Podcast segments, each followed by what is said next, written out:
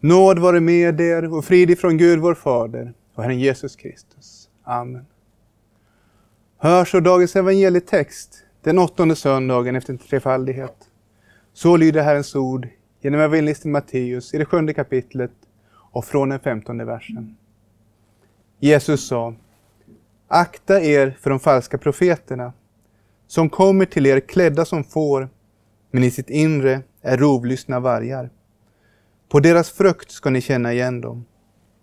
Inte plockar man väl vindruvor från törnbuskar eller fikon från tistlar. Så bär varje gott träd god frukt, men ett dåligt träd bär dålig frukt. Ett gott träd kan inte bära dålig frukt. Inte heller kan ett dåligt träd bära god frukt. Ett träd som inte bär god frukt blir nerhugget och kastat i elden. Alltså ska ni känna igen dem på deras frukt.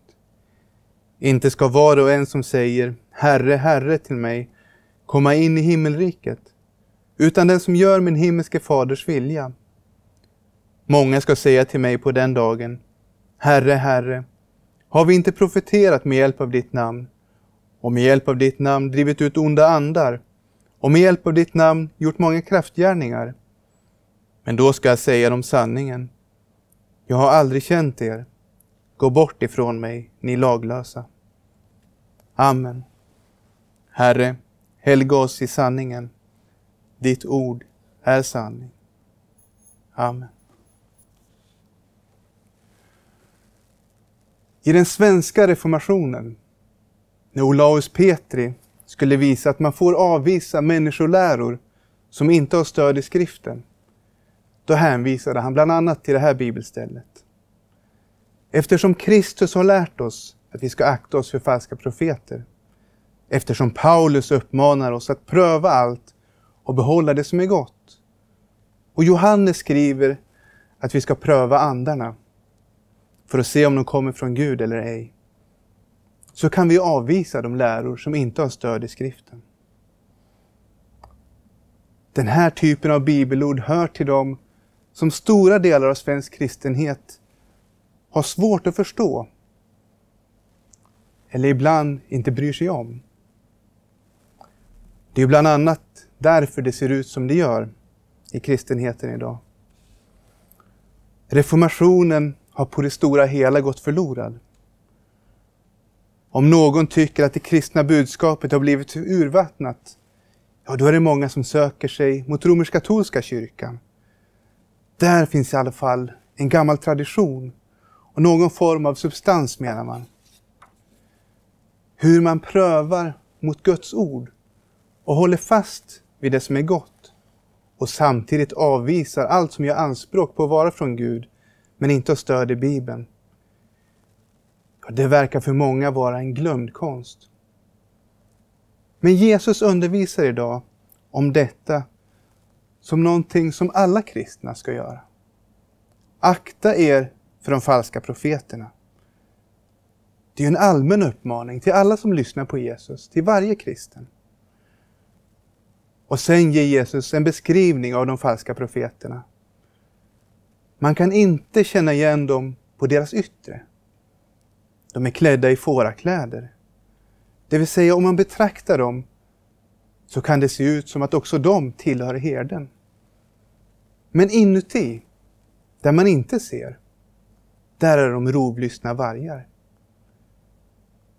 Hur ska vi då känna igen dem? Om man inte kan känna igen dem på deras yttre. Jesus säger att vi känner igen dem på deras frukt.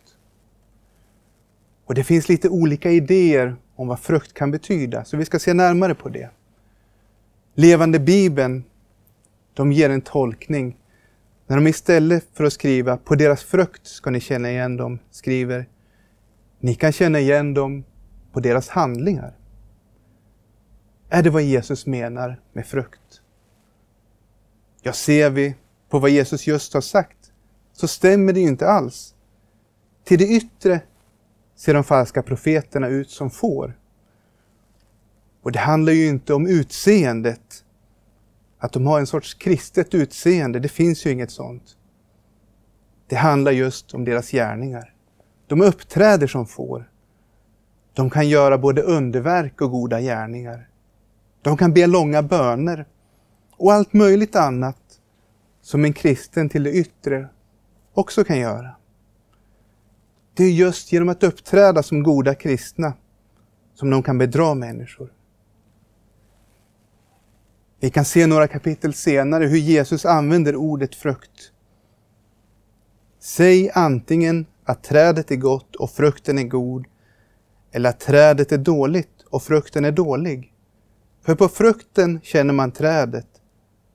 Huggormsyngel, hur skulle ni kunna säga något gott? Vad hjärtat är fullt av, det talar munnen. Frukten, det är vad de säger, deras lära. Och vi kan också lägga märke till här, när Jesus talar om huggormsyngel, att det handlar ju inte om att orden måste uppfattas som vänliga för att vara rätta. Ibland krävs det starka ord. Det är inte ordens styrka man prövar, utan det är innehållet och läran. Vänliga ord kan ofta vara någonting som används för att förleda människor. Som Paulus skriver om de som vållar splittring genom att undervisa i strid mot den lära som vi tagit emot av apostlarna. Med fina ord och vackert tal bedrar de godtrogna människor.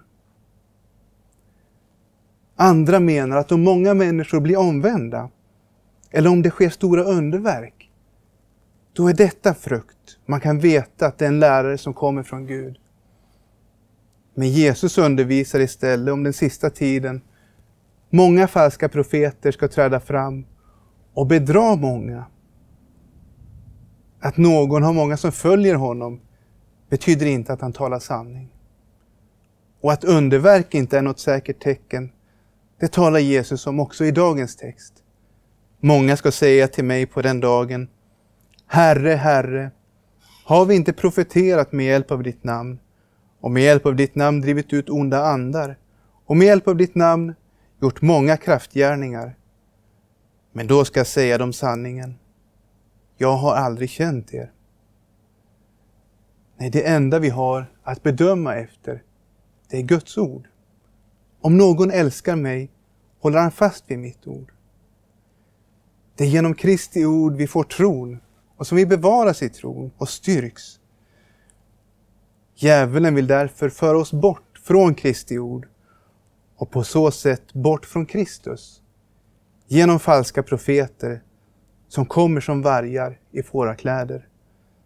Satan själv gör sig lik en ljusets ängel. Därför är det inte underligt att också hans tjänare uppträder som tjänare åt rättfärdigheten.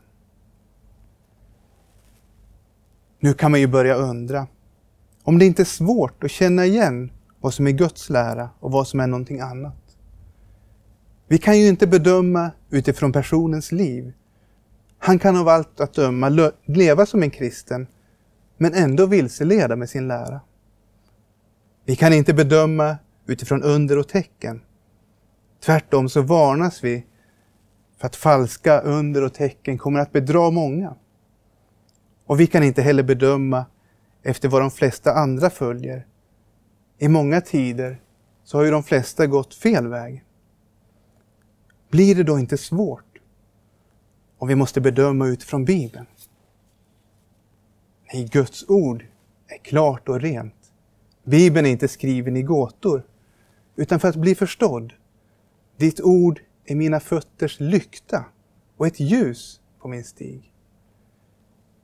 Även om vi ibland kan behöva hjälp att förstå vissa avsnitt, så kan vi själva kontrollera att det vi får förklarat stämmer med det vi själva läser. Och Bibelns budskap finns på så många ställen i Bibeln. Och det är så enkelt att ett barn kan förstå det. Herrens vittnesbörd är sant. Det ger vishet åt enkla människor. Om vi är lite konkreta och ser på några falska läror genom historien så kan det bli lättare att få perspektiv och se hur de falska lärarna kan avslöjas med hjälp av skriften. Vi har idag bekänt den apostoliska trosbekännelsen. den är delvis utformad för att bemöta tidiga falska läror. Vi tror på Gud Fader allsmäktig, himmelens och jordens skapare. Ja, det var någonting som behövde bekännas mot de som inte trodde att Gud hade skapat världen och materien, utan att endast anden kommer från Gud. Det är tydligt att den läran inte kommer från Bibeln utan från grekisk filosofi. På liknande sätt trodde de inte heller att Jesus var Kristus som kommit i köttet, eftersom endast anden var det som betydde någonting. Att Guds son hade pinats under Pontius Pilatus, blivit korsfäst, dött och begravts, ja, det kunde de inte heller tro. Men den som bara öppnar sin bibel kan ju lätt se vad Gud lär i sitt ord och vad som kommer någon annanstans ifrån.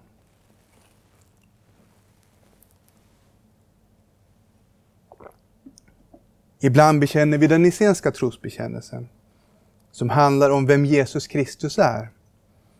Bibeln uppmanar de som är satta att vårda församlingarna att vara herdar för Guds församling som han har köpt med sitt eget blod.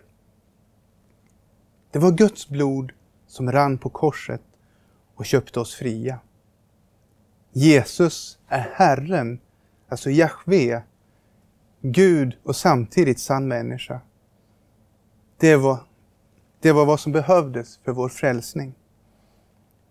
Men förnuftet kan ha svårt att få ihop detta. Och så blev det stridigheter i kyrkan under de första århundradena. Många lärde istället, ungefär som Jehovas vittnen, att sonen är en skapad varelse. Och så länge man inte öppnar sin bibel så kanske det är lättare att tro.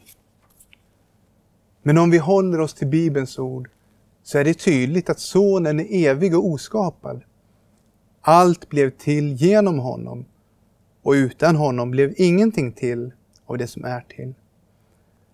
Han är den osynlige Gudens avbild, förstfödd före allt skapat.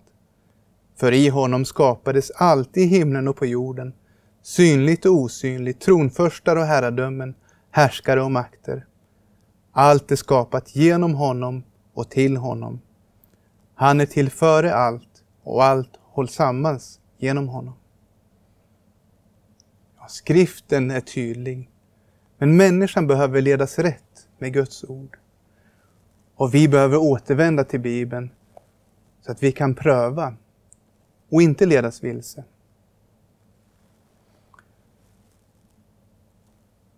På liknande sätt uppstod det diskussioner om hur Gud kunde vara en och samtidigt tre personer.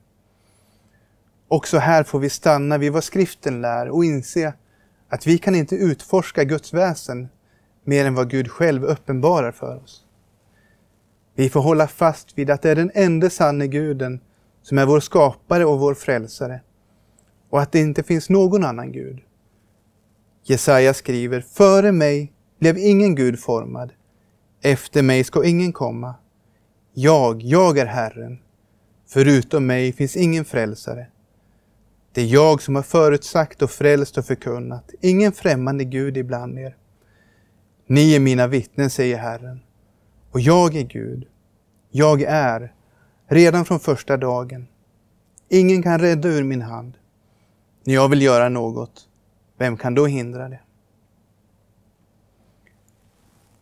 Istället för att hålla fast vid de klara bibelorden om att Gud är en enda Gud, om att Fadern och Sonen och Anden är Gud och samtidigt olika personer, så satte de falska lärarna sitt förnuft över ordet. Vi måste använda vårt förstånd för att förstå Bibeln.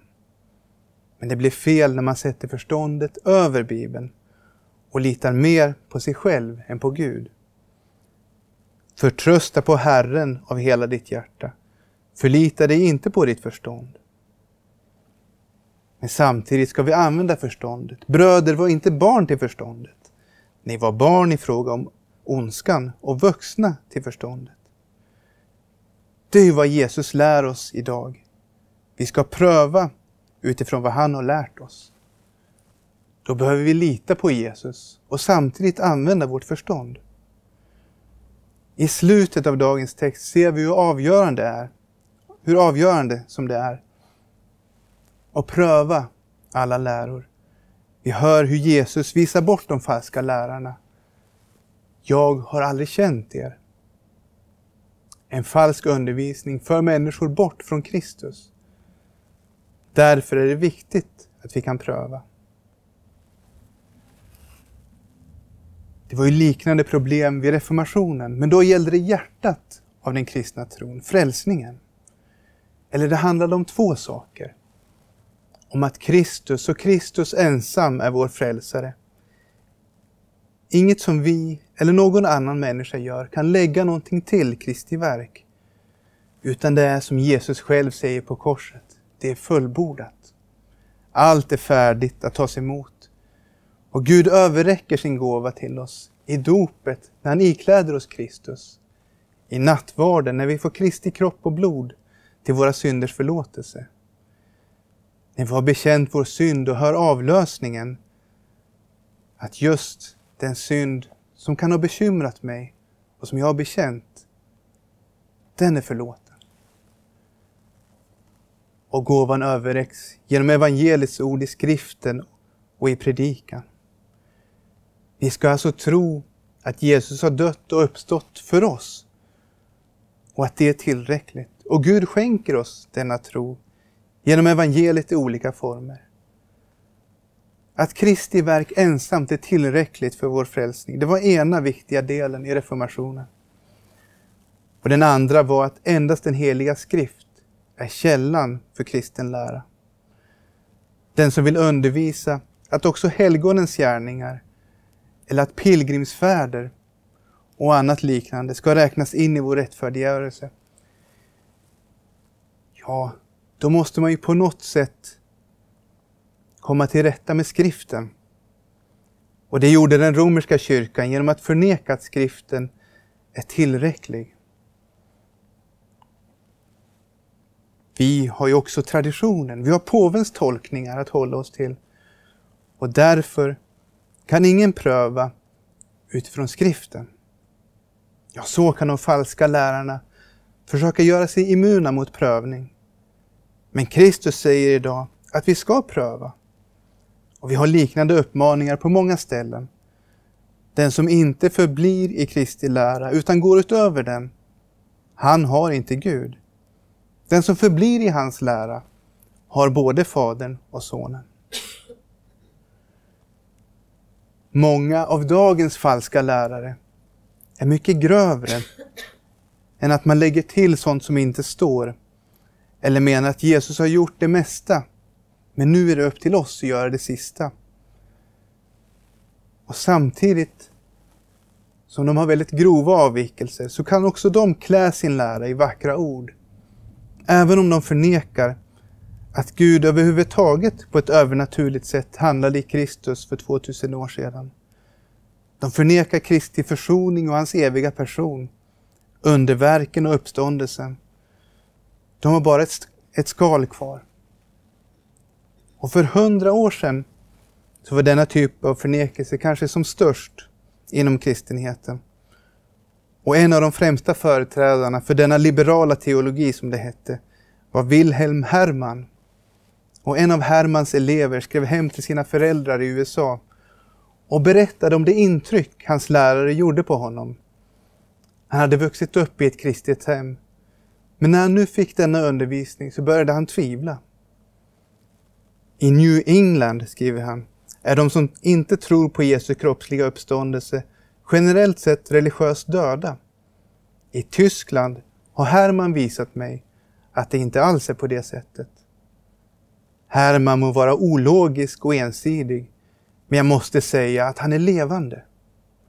Han talar rakt i hjärtat och jag har kastats in i stor förvirring genom det han säger. Så mycket djupare är hans hängivenhet till Kristus är något jag har känt i mig själv under de senaste åren. Ja, på så vis gör de falska lärarna intryck genom sina fårakläder. Vad de säger är ofta lätt att motbevisa med skriften. Men deras hängivenhet, deras person och karisma, deras dragningskraft, kan ändå förleda människor och förvirra dem. Vad var det vi skulle pröva emot nu igen? De kan förkunna en Kristus som inte längre lever, som ju måste vara en annan Jesus än honom vi har lärt känna. De förleder människor bort från en uppståndne till en Jesus som de själva har tänkt ut och kan hantera. Vi förstår av detta att även om de i övrigt endast verkar göra goda gärningar, så är de annorlunda i sitt inre. Vi kan förstå varför Paulus inte bara räknar otukt, fylleri och utsvävningar bland köttets gärningar, utan också villoläror. Jesus avslutar dagens text med att visa bort de falska lärarna. Jag har aldrig känt er. Gå bort ifrån mig, ni laglösa. Vi kan här först påminna oss om att alla som lär fel i någon fråga inte kommer att visas bort på den yttersta dagen. Det finns många som har frälsande tro, men som har missförstått en eller annan biblisk lära. Det avgörande är om man känner Kristus. Den som förtröstar på Kristus ensam för sin frälsning, han känner också Kristus. Samtidigt är det viktigt att hålla fast vid allt. Jesus lär oss att vi ska göra folk till lärjungar genom att lära dem att hålla fast vid allt han har lärt. Och då vill han också att vi själva ska tro på och hålla fast vid allt som han har lärt. Det går inte att välja och vraka, utan allt hänger ihop. Det är också så vi växer och bevaras i tron. Genom att vi tar emot allt Guds ord och låter det bli till nytta när vi hör och tror det och strävar efter att leva efter det. Vi ser här vad Jesus kallar dem som han visar bort.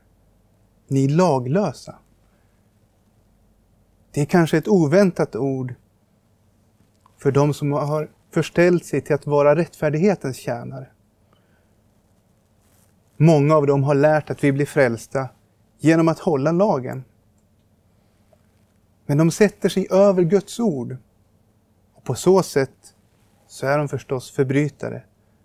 Men mer än så, den som på något sätt förnekar frälsningen i Kristus kommer istället att sänka lagens krav och på så vis mena att frälsning genom lagen är möjlig. Om lagen inte kräver fullkomlig kärlek till Gud, om lagen fördömer den yttre gärningen men inte det onda begäret, om lagen kräver att vi har avsikt att hålla buden men inte kräver att vi lyckas, ja, då kan det bli möjligt att hålla den. Men då har man ju skaffat undan den sanna lagen, Guds lag. Den som förkunnar på det sättet är verkligen laglös. Den sanna lagen visar istället att vi är syndare och att om det var upp till oss själva, också till minsta del, då skulle det inte finnas något hopp om frälsning. Det enda hoppet är att känna Kristus, att han får vara vår frälsare. Det handlar inte om någon särskild upplevelse som man kan peka på, eller någon känsla. Det handlar om att veta att Guds lag har dömt oss som syndare och att vi därför sätter vårt enda hopp till honom som kom för att frälsa syndare. Därför ska vi inte låta någon föra oss bort från Kristus, nu när vi känner honom och har blivit kända av honom. Amen.